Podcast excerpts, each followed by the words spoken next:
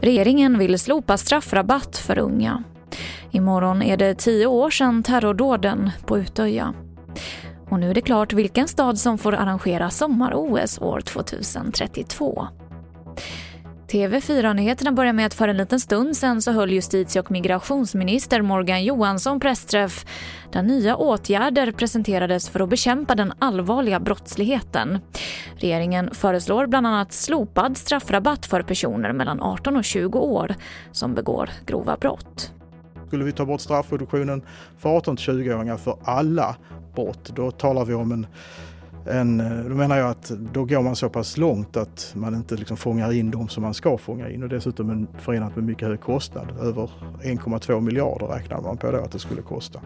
Därför så är det bättre tror jag att man försöker rikta in sig på de brott som typiskt som begås av de här mest eh, kriminellt, de som, de som gör de här eh, brotten som sagt på ett systematiskt sätt och lever i en kriminell livsstil och att man då också fokuserar på de allvarliga brotten.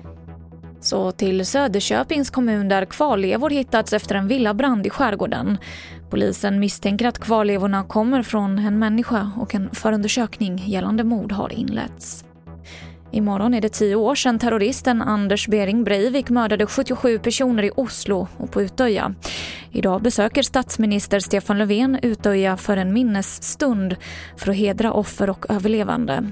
Och ser livesändningen på tv4.se klockan 12.30. Och vi avslutar med att Brisbane i Australien får arrangera sommar-OS 2032. Eftersom det inte fanns någon motkandidat så var beskedet väntat. Och när spelen invigs den 23 juli 2032 alltså så kommer det ha gått 32 år sedan Sydney anordnade OS. Och det här var det senaste från TV4 Nyheterna. Jag heter Emily Olsson.